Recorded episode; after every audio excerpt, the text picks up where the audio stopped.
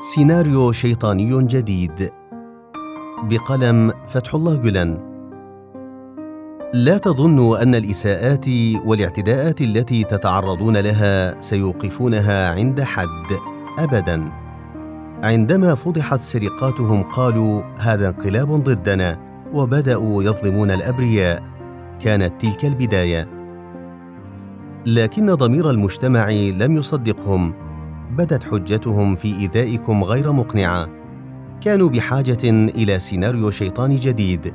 كانوا بحاجة إلى سيناريو يوهم الناس بأن هناك انقلابا حقا.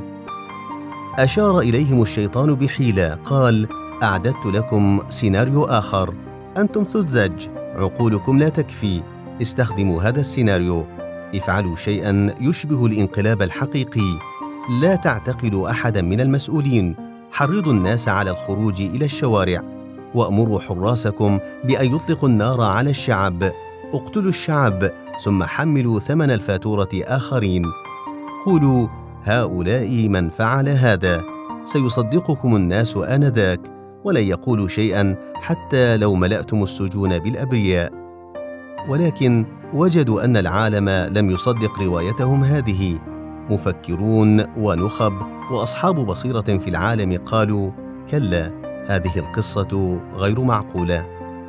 الرأي العام العالمي يتابع ما يقع في تركيا عن كثب وينظر من حيث تنظرون فيقول القصة فيها ثغرات كثيرة.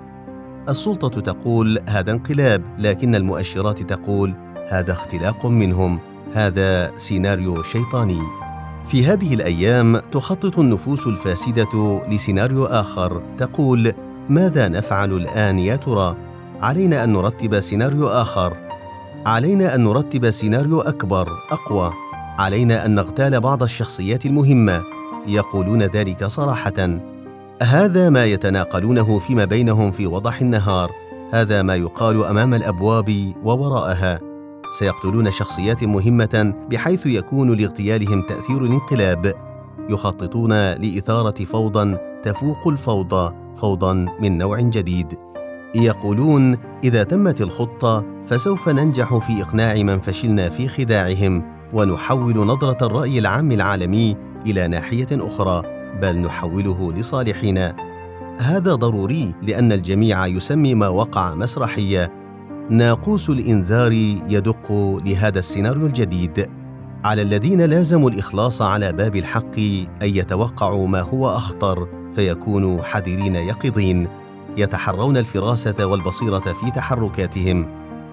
لا فرق بين إزهاق روح نملة وإزهاق نفس بشرية.